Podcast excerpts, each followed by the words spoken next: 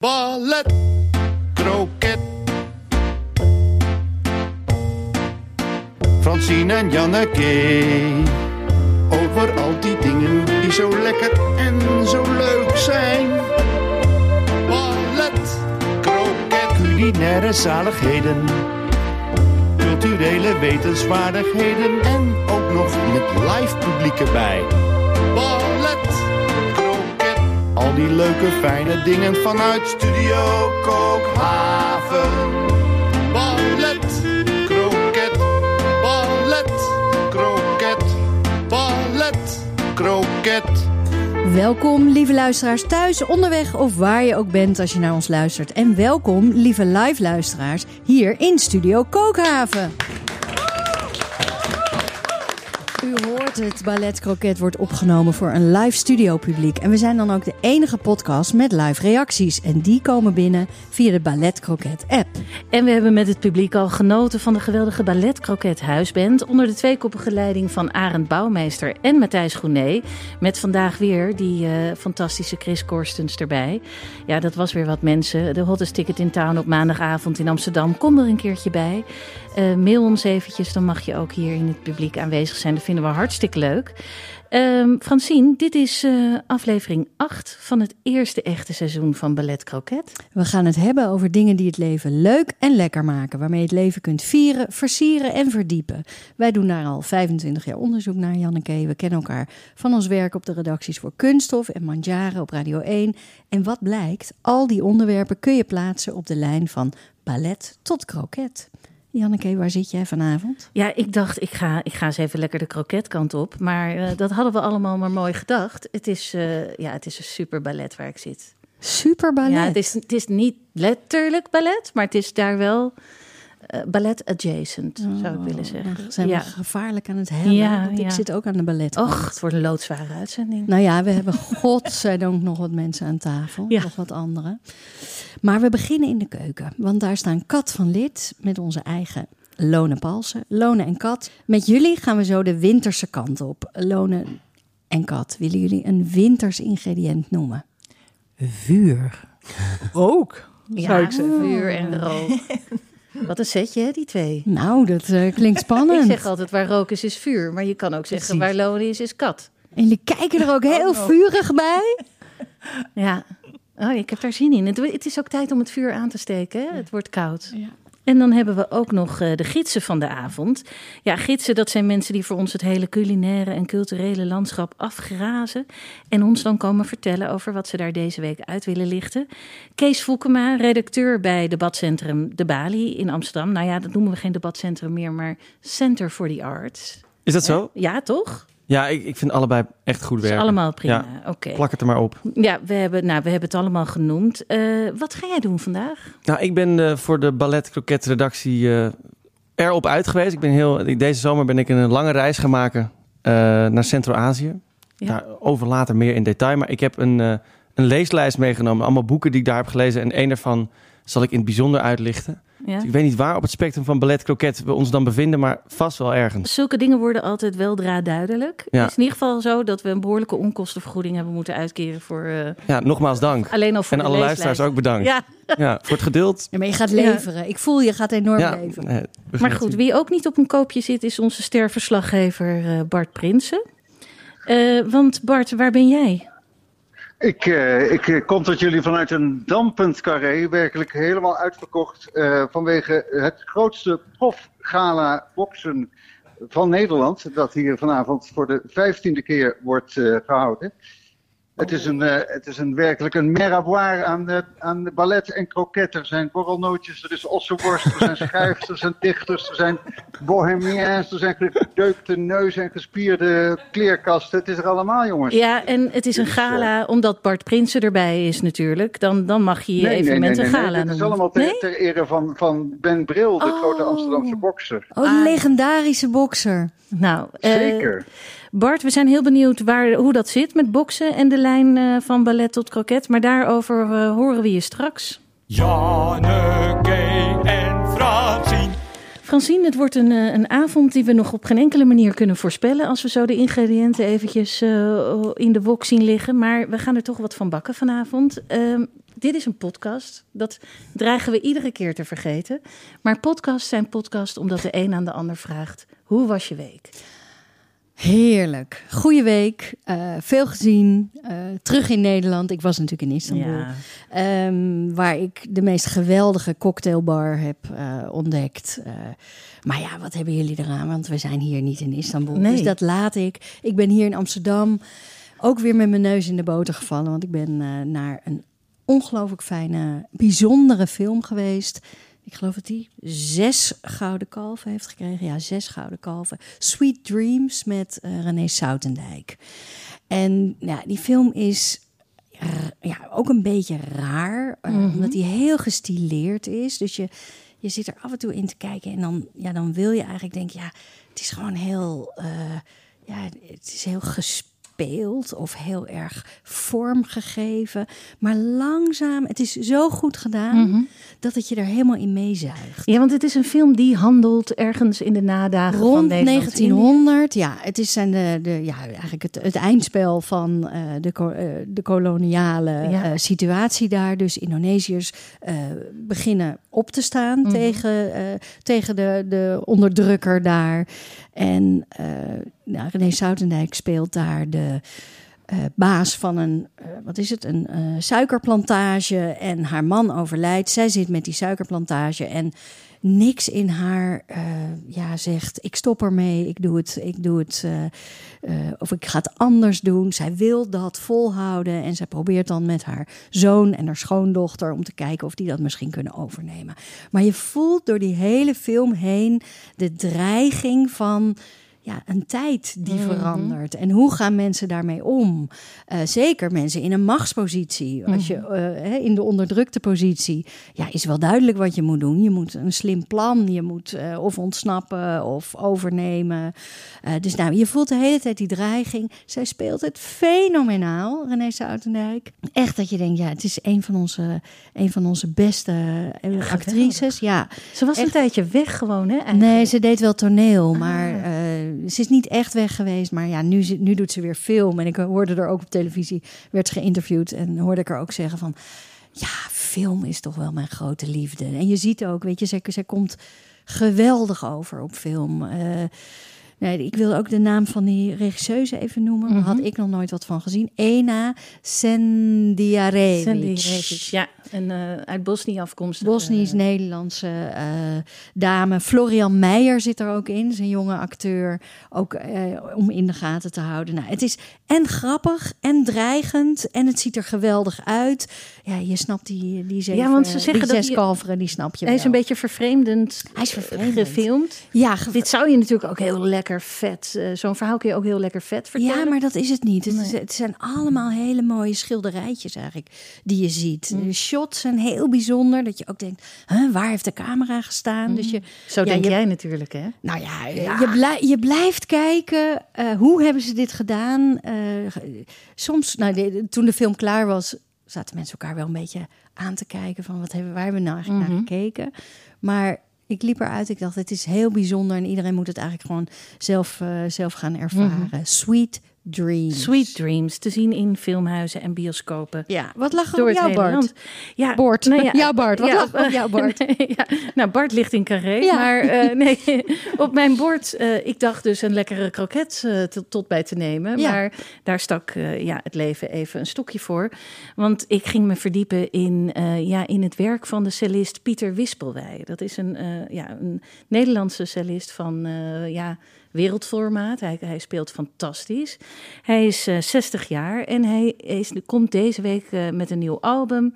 En dat is de tweede In Memoriam album. In Memoriam 2 heet hij ook. En is opgedragen, of eigenlijk geheel samengesteld... ter nagedachtenis aan zijn zoon Dorian.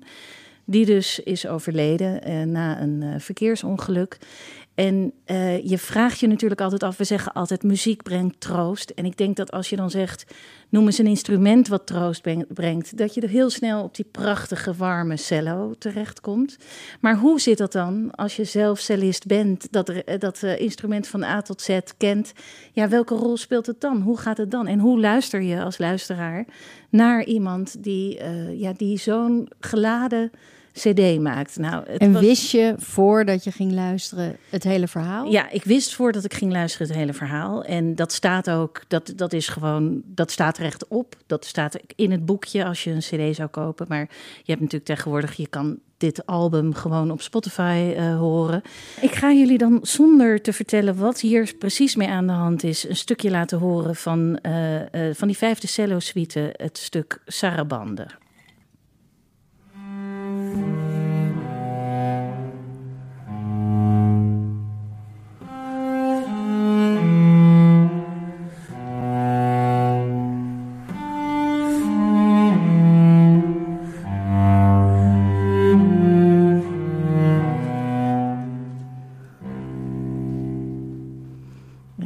Zachtjes weer eh, weghalen. Ja, mij valt nog iets op. Ja. Oké, je hoort namelijk, je hoort hem ademen. Je hoort, je hoort heel veel buiten alleen het instrument. Ja, dat, dat, dat schijnt een, een, een ding te zijn onder, onder muzici. Of wil je, je- wil je dat je zelf ook te horen bent? Of is alleen de muziek?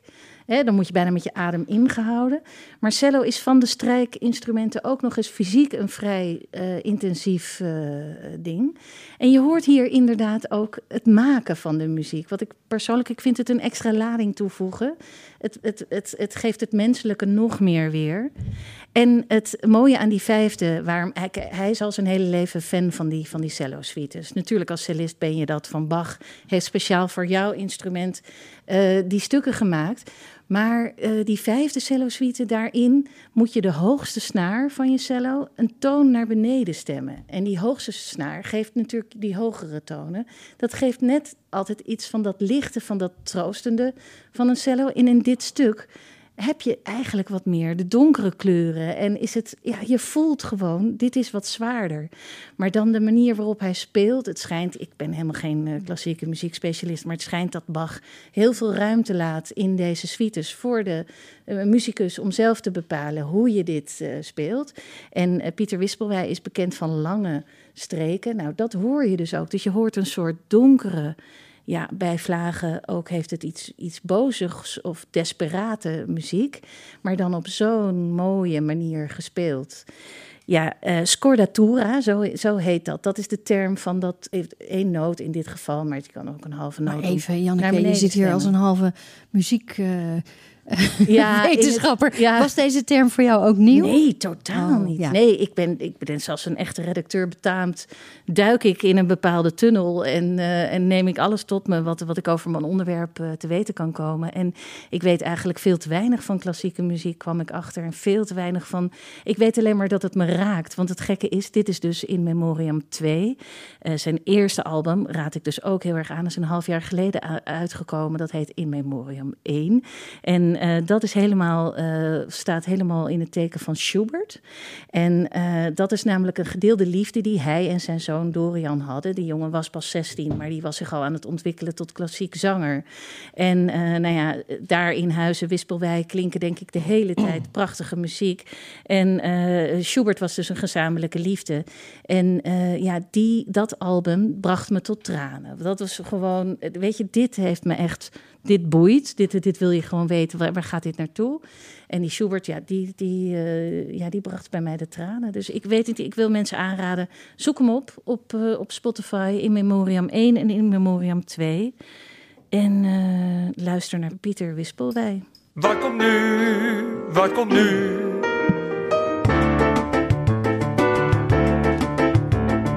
Wat is het volgende eigenlijk? Wat komt er nu? Wat komt nu? Wat komt nu? Ja, Lone Palsen, de kok die uit het noorden kwam, is hier samen met Kat van Lid, die we kennen van Kats Eiland. Eh, maar jullie gaan nu een samenwerking aan, private dining, niet in Kats, op Kats Eiland, maar in Kats Schuur. en eh, ja, we beginnen eventjes met eh, een van de belangrijke centrale vragen in de journalistiek. Waar ligt die schuur? Ja, Katschuur ligt ehm vlak bij de Vinkveense Plassen. Ehm, een weggetje naar de, eh, eh, hoe heet het, havens van eh Vinkeveen. Eh, en dan heb je een heel fijn mooi landweggetje met een heel mooi paadje ehm, tussen de koeien door. En dan kom je uit bij een hele oude schuur. En dat is een genieloods die hoort bij Fort aan de Winkeldijk. Eh, alleen dat fort is uiteindelijk nooit gebouwd. Eh, alleen het fundament. En dat is een, ehm, een klein eilandje waar verder niemand komt. En bij dat eiland ligt de schuur. Ja, En dat is Katschuur. geweldig. En eh, dan hebben we het gebouwtje, de schuur. Hoe ziet dat eruit? Schilder dat eens voor ons. Nou, het is een, een, een oud groen gebouw ehm, van hout. Het is een rijksmonument en het is dus onderdeel van de stelling van Amsterdam. Ehm, en eh, ja, ik heb daar een hele fijne plek van weten te maken. Er stond een hele hoop eh, rotzooi en eh, ik zag dat het iets heel moois kon worden. En ehm, nu is het een hele fijne, gezellige plek waar je hele mooie diners kan houden, maar waar ik ook workshops organiseer en eh, waar mensen samenkomen, kunnen komen onder de rook van Amsterdam. Ja. In een bijzondere setting eigenlijk, midden in de natuur. Geweldig. Ja, eh, we hebben jullie natuurlijk gevraagd om te komen vanwege het feit dat de temperatuur ineens is gaan zakken. Eh, de avonden worden korter. Ja, de winter staat voor de deur. Dus we, sla- we slaan even over dat er nog een totale herfst voor ons ligt. Maar we gaan, we zoeken elkaar weer meer op. We kruipen naar binnen en we steken het vuur aan. En Lone, dan ben jij natuurlijk als kok die uit het noorden kwam, de aangewezen persoon om te vragen hoe je dat doet. Hoe kook je in winterse sferen? Ja, dat is een hele goede vraag. Omdat eh, ja, het is ook best een uitdaging eh, in dit geval. Omdat eh, we hebben geen keuken. Dus we gaan... Ah, het is een echte schuur. Het is een echte schuur zonder enige voorzieningen. Nou, het is, heeft iets meer voorzieningen dan Cats Eiland. Er is eh, elektra en er is stromend water. Dus wat mij betreft is dat echt super luxe. Eh, Zeker. Maar voor een kok is dat natuurlijk eh, ligt dat wat anders. Ja, moet je net lonen hebben. Die, die kan alles met, met de elementen. Maar hoe, hoe doe je dat lonen? Ja, dat dachten wij ook. We dachten dat eh, dit is een hele goede combi. Dit is een match made in heaven. Mhm. Dus eh, we hebben een eh, menu bedacht die op het open vuur wordt eh, bereid. Mhm. We gaan allemaal heerlijke dingen uit de Noordzee proeven. En staat dat vuur dan buiten? Even voor, mijn voor mijn beeld. Dat staat buiten, ja. Ja. Dat staat buiten. En dan gaan we daarop koken. Er komen dus Nordic ingrediënten aan te Dat klopt. Eh, We, we, we, het thema is Nordic en dat is, eh, dat is ook mijn thema. Eh, Mhm. Surprise, surprise. Dus we, we gaan echt koken met de natuur. We zijn ook echt, we zitten in de natuur. En eh, dus het is ook voor de hand liggend natuurlijk om, eh, om daar een menu bij te kiezen die, eh, die ook uit de natuur is ontstaan bijna. Ja, en maar dan mag ik, mag ik even een, schot voor de bocht doen. Sam, Zalm, dat klopt. We, we, we, we, we, hebben een aantal dingen uit de Noordzee eh, op het menu. We, hebben in, eh, we gaan in eh, Noorse zalmzijde roken Mhm. op het open vuur. We gaan ook garnalen uit Groenland gaan we ook roken in hooi.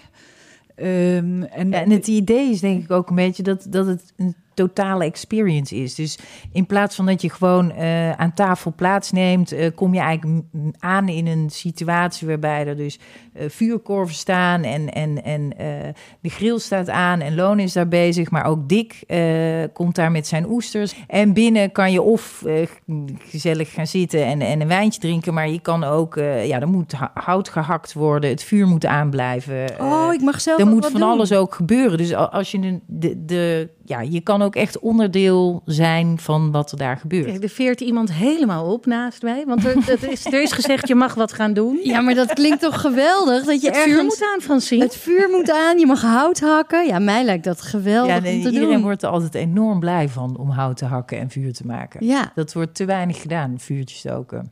Dus je mag eh, als een, eh, als een plumpudding op een stoel gaan zitten en lekker Ja. gaan zitten Dat kletsen. is geen enkel probleem. Maar bemoeien met wat er gebeurt, dat is, eh, wordt dat ook gewaardeerd. Prima, Ja. Ja, Francine, het is net alsof ze voor ons een hele schuur hebben geïnvesteerd, toch? Oké, nou, we gaan, eh, we, jullie gaan natuurlijk iets maken. We gaan dat straks proeven. En eh, dan, eh, dan komen we weer bij jullie terug.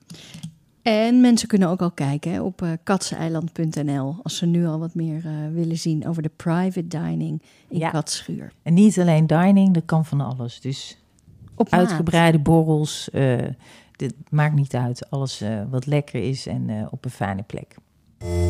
Ballet, kroket, ballet, kroket, bed. We gaan naar de eerste gids van de avond, Kees Foekema. Je bent programmamaker bij de Bali. Janneke zei het al even. Center of the Art, for the Arts. Vroeger zeiden we debatcentrum de Bali, maar die vlag eh, dekt de lading niet meer helemaal. Waar ga je het over hebben? Ja, bij de Bali hou ik me eigenlijk altijd bezig met eh, thema's die over landbouw, landschap, klimaat, ecologie gaan. En ehm, ik, ja, mijn interesse is dus altijd bij, eh, bij het landschap geweest. En ik heb een grote reis gemaakt deze zomer. Ben ik naar Centraal-Azië geweest, van Kirgizië of Kyrgyzstan eigenlijk ben ik naar Georgië gereden in een blauwe Opel Vivaro. Misschien heb je hem lang zien komen. Ehm, en eh, ja, daar, daar heb ik heel veel boeken gelezen. Ik heb heel veel gezien. Ik heb met heel veel mensen gesproken. Dus ik dacht, is dat een goede tip? Ja, ik kan mensen tippen om die reis helemaal te gaan maken. Die, die Opel Vivaro, die, die laat ik je dan nog wel een keer zien. Uh-huh. Maar ik dacht om een beetje een beeld te geven. En ook omdat die geschiedenis volgens mij ook voor het begrijpen van de politiek van vandaag heel belangrijk is. Ga ik vertellen over een boek. Ja, wat, wat daarmee te maken heeft. Precies. Maar heel even, gewoon omdat we Ja. ook een, eh, een eh, statistiek eh aangehaald programma zijn. Hoeveel, hoeveel kilometers heb je gemaakt? Heb je dat bijgehouden in een schriftje? Ja, je zou zeggen dat doe je dan wel. Op een Ehm, app? Sorry, ik ja, even de... Ik denk, ik denk ongeveer dat ik iets van 5 tot 6.000 kilometer heb afgelegd. Maar het zal eigenlijk wel, misschien wel weer meer zijn. ja. Kan je wel vertellen in hoe, hoeveel kapotte auto-onderdelen dat ongeveer waren? ja, met, ja, met dat als je die allemaal achter elkaar legt, ja, kun je drie keer de wereld rond. dan kan je, ja, dan kan je best een Opel Vivaro bij elkaar en Kees, in welk gezelschap deed je dit? Ja, ik deed dit voor een deel met mijn vriendin. Die is ook landschapsarchitect en een- heeft een brede interesse voor van alles. En ik deed het ook met de, de moeder van mijn vriendin. Die, ging, die was eigenlijk Moeder de aanstichter. Ja, dus ik was met mijn schoonmoeder in Centraal-Azië. Dat is op papier een heel slecht idee. Mhm. Eh, heeft in de werkelijkheid gigantisch goed uitgepakt. Ja, nee, het is dat je met een keurige stapel boeken bent teruggekomen van deze reis. Maar er zitten allerlei reality formats in deze hele, in Ja, deze hele reis verpakt. Ja, ik heb het te laat eigenlijk aan de, aan de, aan de massa verteld. Dat nu via de microfoon van Ballet Croquet. Maar anders Ja, had ik waarschijnlijk in een reality show wel gezeten. echt hoor. Want Ja. het, is, eh, ja, het is de ultieme relatietest. Ja, zeker. Toch? Navigeren is al gewoon, als je van hier naar eh, Parijs rijdt, is dat al iets waar je op kan scheiden. Maar Mhm. ik denk als je in Kyrgy- Kyrgyzstan begint en naar Georgië wil, Ja, ja, dat is toch net, maakt het allemaal nog net wat spannender of je links of rechts eh, bent gegaan. ja dat eh, beetje huwelijk zal wel gestand zijn. Ja, en dan om nog maar over die relatie met je schoonmoeder te zwijgen. Want Ja, laten we daar alsjeblieft niet over zwijgen. daar, daar zijn kerstdiners soms al te lang voor Ja. om dat eh, goed Ja, nee, het, het was zo dat zij eigenlijk... Zij was de aan... Kijk, die interesse die had ik al. En die, een, ik heb, ben zelf politicoloog, dus een heel goed deel van de politieke geschiedenis daar... Dat was al een hele aanwezige interesse van mij. Maar zij is kunstenaar, maakt veel over eh, landschapskaarten. Cartografie is iets waar ze zich veel mee bezighoudt. En zij heeft reizen gemaakt naar Siberië, naar eh, de Altai. En ook al een keer eerder een project over Kirgizië gedaan. En nu was het haar idee om aan die belachelijk lange tocht te beginnen. Ja, Eh, want even voor de duidelijkheid, er gebeuren daar dingen in het landschap Mhm. waarin je iets ziet. Ja, er is sprake van een eh, de mens. Ja. De mens is daar aan het huishouden. De mens is eh, in de wereld aan het huishouden. En ik denk dat daar de gevolgen nu heel hard eh, van zich laten horen. En ik denk eh, dat we daar allemaal moet, naar moeten gaan luisteren. Maar heb je, voor, eh, heb je voorbeelden? Ja, nee, dus toen ik zelf dus eh, politicoloog en ik heb me altijd met klimaatwetenschappen bezig gehouden. En eh, een van de dingen die, die altijd eh, aan het licht kwamen waren de gletsjers die aan het smelten zijn. Nou, dat, dat verhaal kennen we erg lang. Eh, de gletsjers in het gebergte waar ik ben geweest, in, bij Kirgizië, Kazachstan, tegen China aan, het Tian Shan gebergte, letterlijk het hemelgebergte. Die, eh, nou ja, de huidige eh prognoses doen, doen, ja, doen ons geloven en dat, dat in, tegen 2030, 2040 het gros van de gletsjers daar gesmolten zijn. En dat er dus heel veel zoetwatervoorraad daarmee eh, ja, verdwijnt.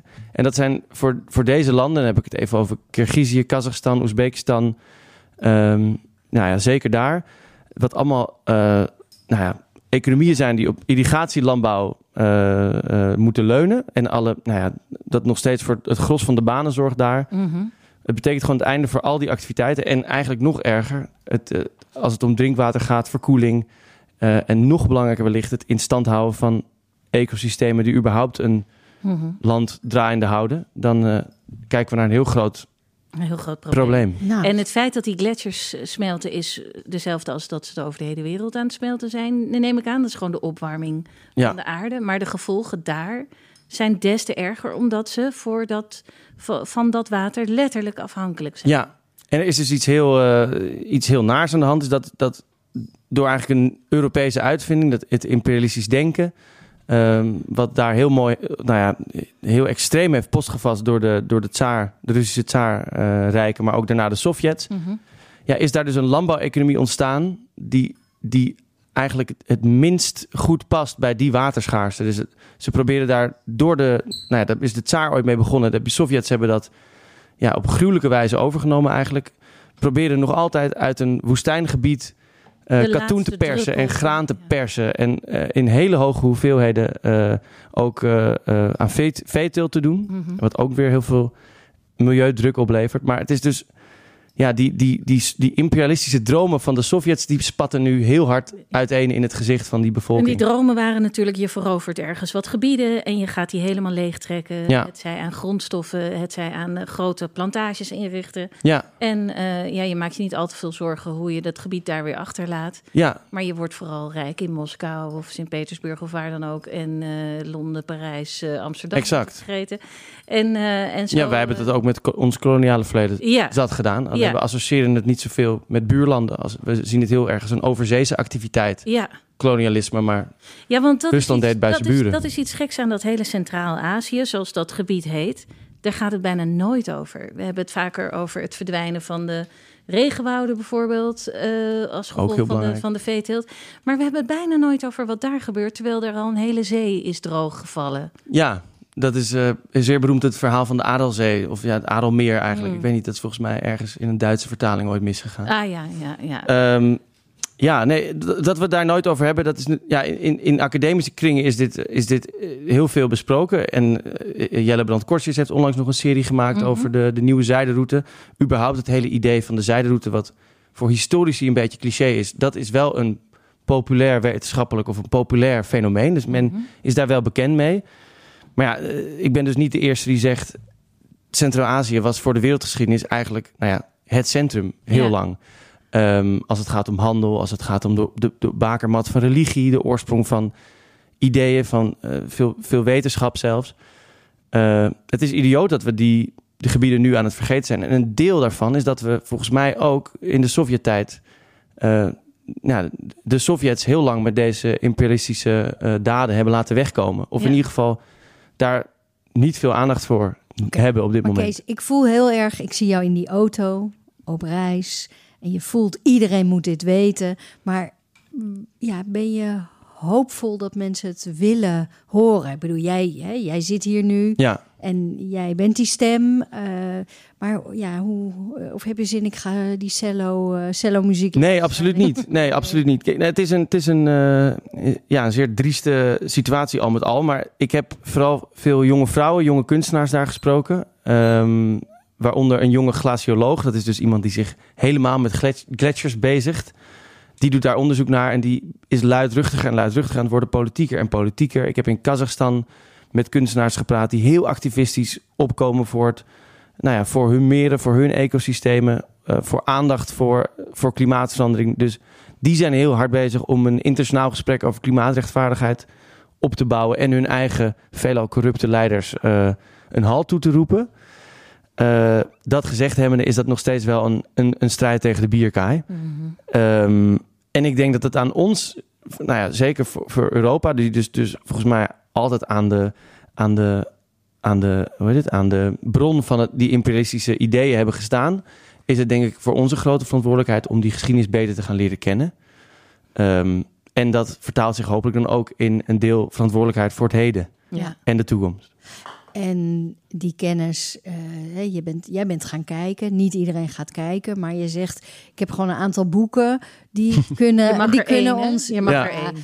Je mag er één. Ja, Eh, je hebt een hele stapel boeken mee. Eh, ja gênant. nee, helemaal niet gênant. Dat eh, geeft je enthousiasme eh, aan. Ja. Maar eigenlijk zeg je: eh, ga nou eens wat lezen, verdiep je erin. En daar heb jij een tip voor. Ja, en ehm, ja, verdiep, je, verdiep je in die mensen, in die landschappen. En ja, ik moet het dus toch tot één tip toespitsen. En dan kies ik, ja, dan laat ik heel veel mooie dingen liggen, ook van Ja. auteurs daar. Het is met pijn in je hart. Zeker. Ehm, Maar dit is van Adib Khalid. Het is een boek dat heet Central Asia. Dat is wel een hele to-the-point titel. Een new, a new history from the imperial conquests to the present. Dus alles wat ik net zei, ja, daar zit dit dan wel echt een beetje in. Het is niet echt een, een boek wat zich heel erg op milieu toespitst. Maar als je die geschiedenis wil lezen en wat dat met ons te maken heeft...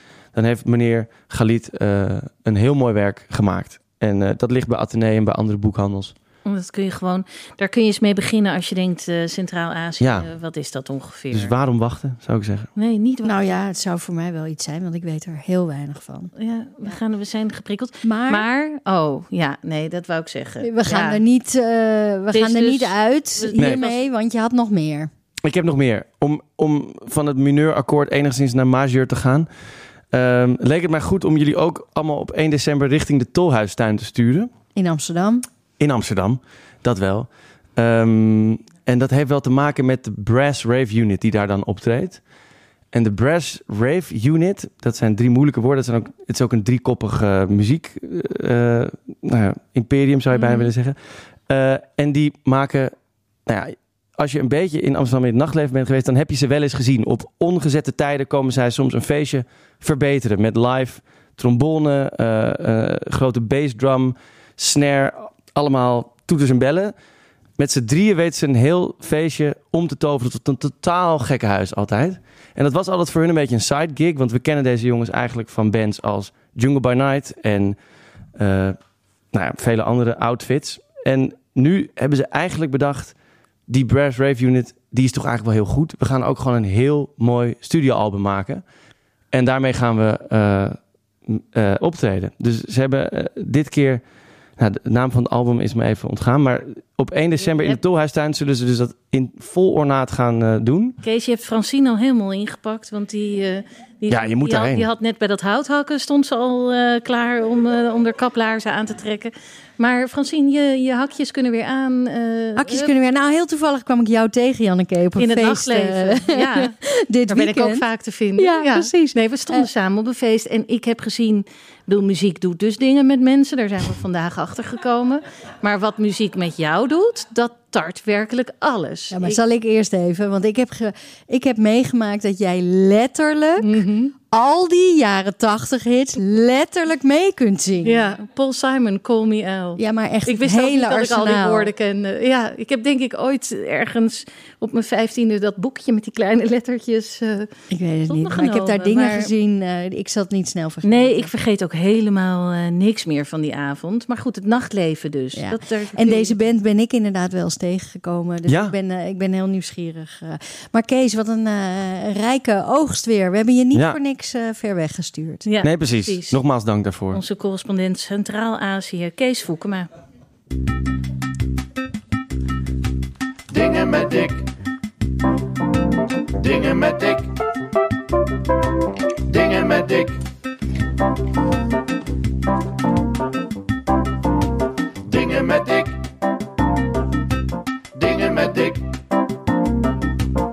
Dingen met dik. Dingen met dik. Dingen met dik.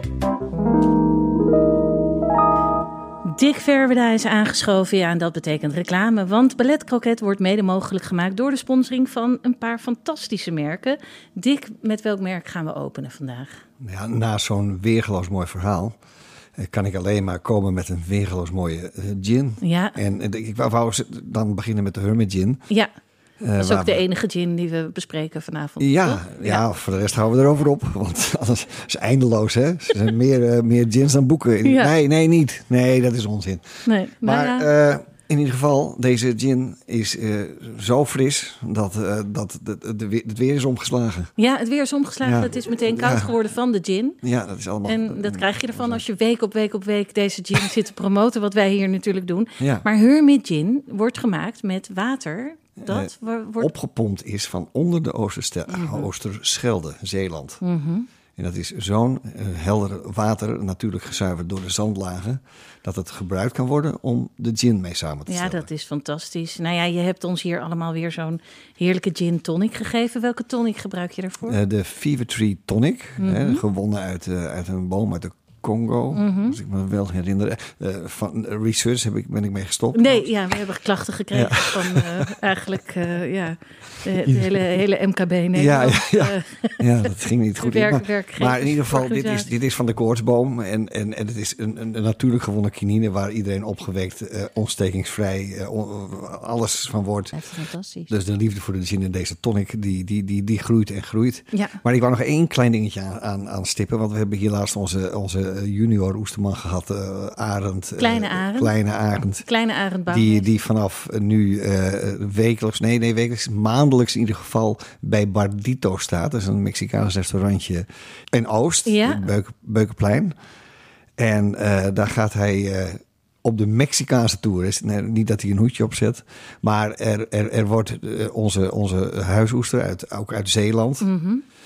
Eh, die wordt eh, hier gesierd met een, eh, met een tequila en met, en met allerlei dressings gemaakt door. Met ingrediënten ja, uit, uit Mexico, Mexico. uit de Mexicaanse en het was heel leuk. Afgelopen weekend stond hij daar en Ik zag iets voorbij komen op social media. zijn en ik steentje, dacht, zijn steentje was vol. Ja, Dus Ik, eh, eh, dat is een mooi initi- je bent, initiatief. je bent goed bezig met de volgende generatie Ja, eh, oestermannen ja, op te leiden. ja. Dat, dat werpt absoluut zijn vruchten af. En daar kunnen wij dus allemaal van genieten. Ik ga de mensen even wijzen hoe ze daar allemaal komen. Hè. Heel fijn. Ja. Eh eventjes voor de mensen thuis. We zitten hier dus in een fantastische kookhaven. De kookhaven kan ook jouw kookhaven worden. Voor een avondje of voor een middagje. Als je hier eens wat leuks wil doen, dan moet je gewoon eh, met Dick gaan praten. En alle informatie daarover vind je op kookhaven.nl. De Oesterman met Dick en met Kleine Arend vind je op donostra.nl.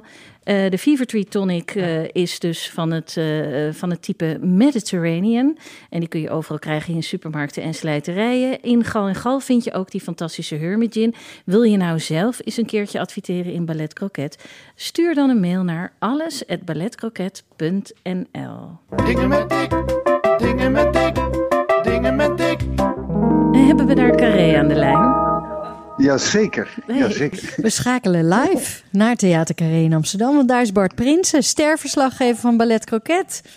Bart, hoe past wat daar nu gaande is op die lijn van Ballet Croquet? Je bent er nu al een paar Nou ja, uurtjes. Waar zit het ongeveer? Ja, nee, nou ja, goed. Het, eh, het, het is ook rete spannend. En ik, en ik, en ik, mijn mijn hartslag is wel iets hoger dan normaal. Maar ik wil maar zeggen, kunst en boksen is natuurlijk een gekend huwelijk.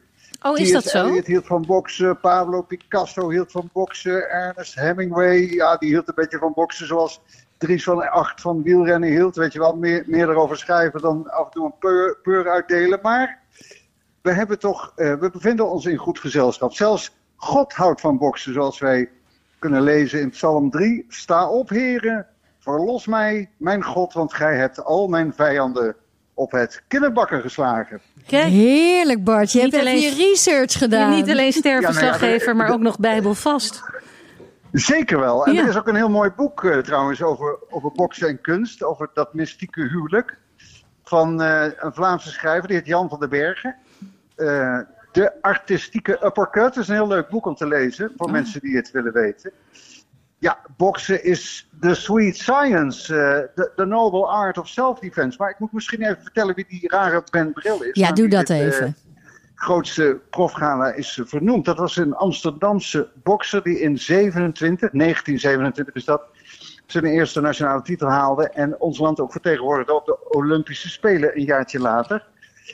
En, Zeg je nou expres eh, Olympische Spelen of zeg jij dat altijd zo? Ja, dat doe ik altijd als ik, als ik sterreporter ben vanuit Carré. Dan doe ik altijd net alsof ik Matthijs van Nieuwkerk. Ja, precies. Oh, dankjewel. Ja, ja.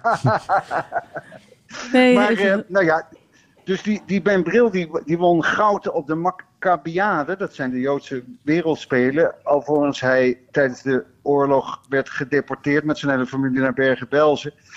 En dat gezin overleefde uiteindelijk die oorlog wel, maar zijn bokscarrière was voorbij. En hij is later wel gevierd geworden als boksscheidsrechter.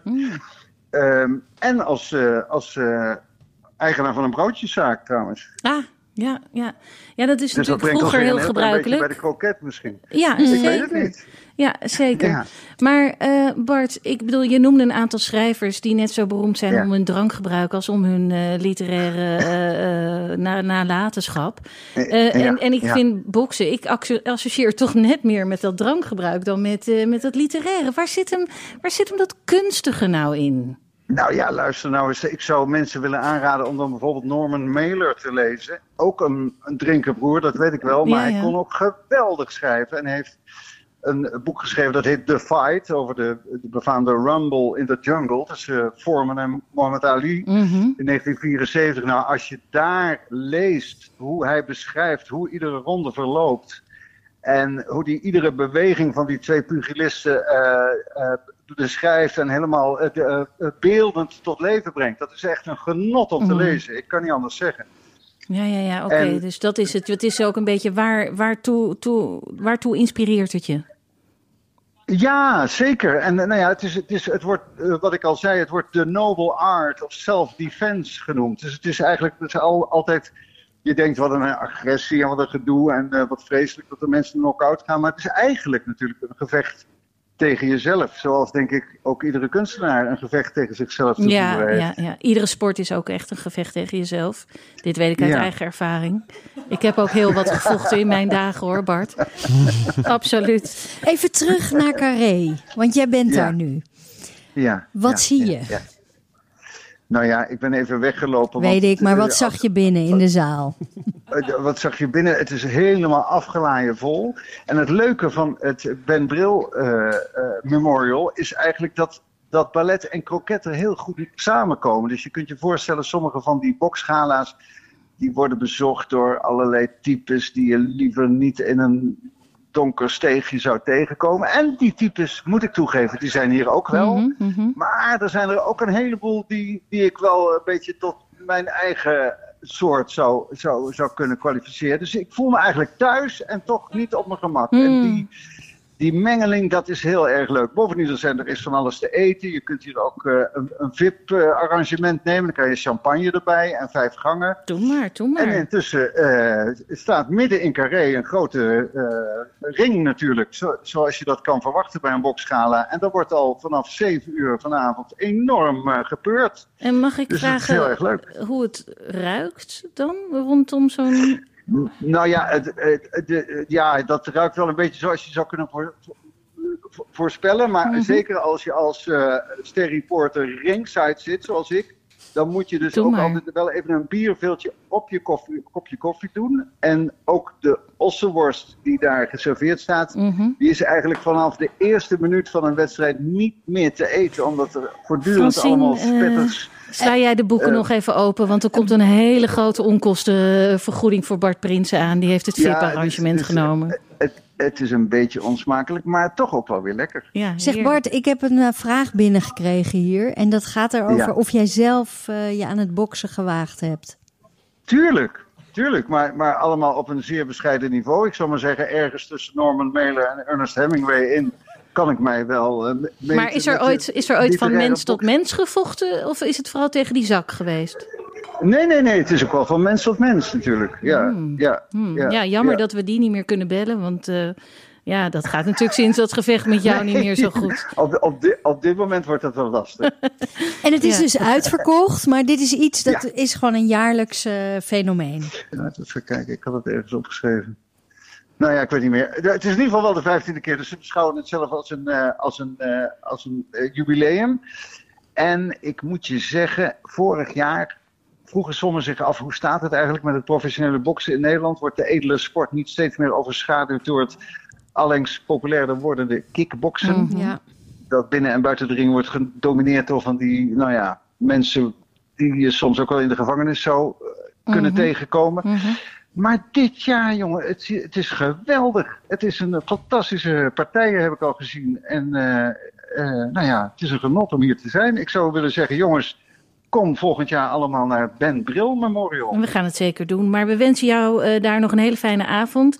Let een beetje op. Hè? Eh, Ja, zal ik doen. Ja, niet te Let een beetje op, dank je wel. En ga snel terug, want dan eh, maak je nog veel mee. Dat is, oh ja, laat me nog even eindigen met, eh, de slogan van Ben Bril. Ja, eh, op de broodjeszaak aan de Weesperstraat. Daar stond heel groot boven de ingang. Beter belegde broodjes bij Ben Bril. Kijk eens aan, dat zijn nog eens slogans dat je denkt, dit is ook niet te geloven. Bart Prinsen, dank je wel voor je live verslag. Even Francine Knorringa, want jouw hand zit alweer op de jingle-knop. Schuilt er ook een beetje een bokser in jou? nee, maar ik heb er thuis eentje eh, die op boksen zit. Och, Dus regelmatig eh, Valt kan, ook niet kan hij ongeveer niet naar zijn werk, omdat hij de ene kant helemaal blauw is. En Oh. wat zullen ze daar op het werk van denken? Eh, dus ik eh, krijg regelmatig een soort eh, demonstratie hoe edel deze sport is. maar En het zit hem in de voeten, met toch? ja, het zit hem in het voetenwerk. Ja, ik heb jouw voetenwerk gezien afgelopen weekend. Daar mankeert helemaal niks aan. Nee, ik zou je ja. zeggen, ik heb zelf bokshandschoenen gekregen. En ik heb... Nee, Oh. de Lievert klapt nou niet helemaal uit de school... wat jullie elkaar allemaal Ja. geven Ja. thuis. Bokshandschoenen, het was enig. Het is een prachtige sport, het is heel enerverend. Maar ik was niet heel bepaald heel talentvol. Oké, nou ja, eh, er is nog heel veel tijd. We gaan het allemaal nog leren. Het is één grote leerweg. Ai. Wie is de kok? Laat mij eens spreken met de chef. Ai. Waar is de kok gebleven, chef? Ai. Waar ben je nu? Laat mij eens spreken met de chef. Ai. Wie is de kok? Ai. Wie is de kok? Ai. Lone Paulsen en Kat van Lid, die zijn terug aan tafel. En we krijgen hier toch iets moois in handen. Francine, wat zie je? Ik zie een eh, klein, ja, het is een soort soesje, ziet het eruit. Maar als je erin hapt, blijkt het een aardappeltje te zijn. Helemaal krokant aan de, ja, aan de buitenkant. Met daarop een toefje van, ja, wat is het? Een, room, een kaas, iets met eh viseitjes, een beetje komkommer. Oh, het is zo mooi. Het heeft net een mooi zuurtje. Ja, het is fantastisch. Noem je dat een, een hasselbakkreeltje of hoe noem je het? Dat klopt inderdaad.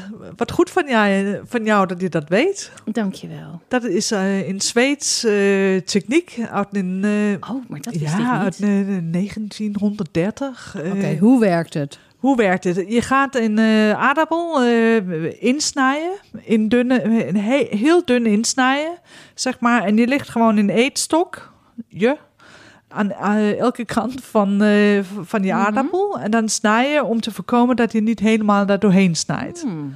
En dan doe je daar, giet je daar een klein beetje olie overheen. Een klein beetje zout, een klein beetje peper. Mm. En dan gaat die hup de, de oven in.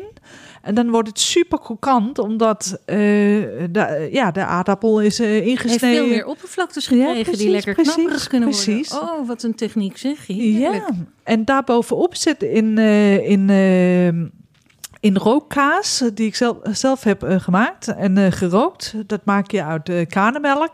Ehm, dat is een, eh, een kaas dat alleen maar in eh, Denemarken bestaat, zover ik het weet. Ehm, en daar, eh, dat is heel traditioneel en daar maken we eh, in salade van. Nou, dat is niet gezond, maar eh, het is wel eh, in, in salade ge- geroerd met een, een, beetje slagroom. Die we dan mengen met radijzen en eh, eh, eh, komkommer en een beetje bieslook eh, en zo. En ik heb er dan een beetje extra, omdat eh, we hier zitten vandaag. En het feest is, dan is het feest hè. Mhm. Dan heb ik een klein beetje foreel eh kuitdoop gedaan. Ach, wat heerlijk. Ja, Kat, ik kan me zo goed voorstellen dat je bij Lonen bent uitgekomen toen je ging zoeken naar iemand eh, met wie je ook al die verschillende dingen kunt aanbieden. Want je kan je ook een, een heerlijk borrel-evenement voorstellen met Ja, allemaal nee, ze maakt, deze... wat, ik, eh, wat ik weet maakt Lona alleen maar ongelooflijk eh, heerlijke dingen. En dit ziet er ook echt prachtig uit. Het zijn allemaal kunstwerkjes. Mm. Ehm, en dat gecombineerd met alles, nou ja, vanuit de, de Scandinavische of Deense keuken... past dat heel goed bij mijn plek. Ja, en eh, ja, we kunnen van alles. Dus ehm, Ja, de mensen moeten zich eh, gaan melden ja, eh, bij katseiland.nl. Het staat natuurlijk ook allemaal in de show notes, mensen. Dus dan kun je zo ook aanklikken op een link. Ehm, Kees, heel even nog. Hoe was dit eh hasselbak aardappeltje? Nou, ik was nog heel lang aan het nadenken over wat Bart op de eerste rij in Korea aan het eten was. Ja. En hoe die op smaak gemaakt waren. Dus toen kwam dit opeens voor mijn neus. En Ja. toen, dacht- toen voelde ik me wel heel gelukkig. Ja, ja, ja. Ja, daar- rookt ook van alles. En ik denk Ja. dat het aan zout ook niet ontbreekt. En- maar en- ik heb toch liever dat lonen dat dan Ja. voor je maakt. Ja. En, en hoe heet die Deense kaas eigenlijk? Eh, wel, Ruijoost. Nou ja, dat vergeet je dus niet. Rookkaas. Ja, Rookkaas. Ja. we hebben hier eh, onze, onze Deense Deense taalexpert. ook, eh, ook aan tafel. Ja. Jeetje, Francine, eh, wat gebeurt ons nou toch weer allemaal? We hebben klappen gekregen Ja, op allerlei manieren. Ja, ook drooggevallen gebieden. Drooggevallen gebieden, bedoel, we zijn ook, we, we stevenen echt ergens op af als aarde. En dat is niet altijd, eh, is niet altijd het fijnste. Gelukkig kunnen we troost vinden in het nachtleven, kunnen we troost vinden in de schuur. Die van Kat. muziek, Ja, ook niet te De onderschatten. cello van Pieter Wispelwij. Ja, het Ja. einde de, van de koloni- koloniale tijd. Ja, er is eh, een heleboel voorbij gekomen. Ja, dit was de zesde aflevering van Ballet Croquet. We danken onze gasten Lone Palsen, Kat van Lid, Kees Foukema en Bart Prinsen. Grote dank en een extra groot hartje aan de Ballet Croquet Huisband onder de tweekoppige leiding van Arend Bouwmeester en Matthijs Groenee. Met natuurlijk Chris Korsten, die er ook weer was. Fantastisch. Ballet Croquet werd opgenomen voor een live studio publiek. En wilt u ook een keer komen kijken en genieten van live muziek en goede sfeer? Dat kan. Stuur dan een mail naar alles@balletcroquet.nl. En wilt u adverteren in onze podcast? Dat kan ook. Mail alles@balletcroquet.nl. En is mailen niet helemaal jouw ding? Kijk dan gewoon op onze Insta en kom onze DM in @balletcroquet. Met grote dank aan de meest gastvrije Fries in Amsterdam, Dick Verweda van Studio Kookhaven. Wij gaan weer grazen. Tot volgende week. En onthoud, alles is Ballet Croquet.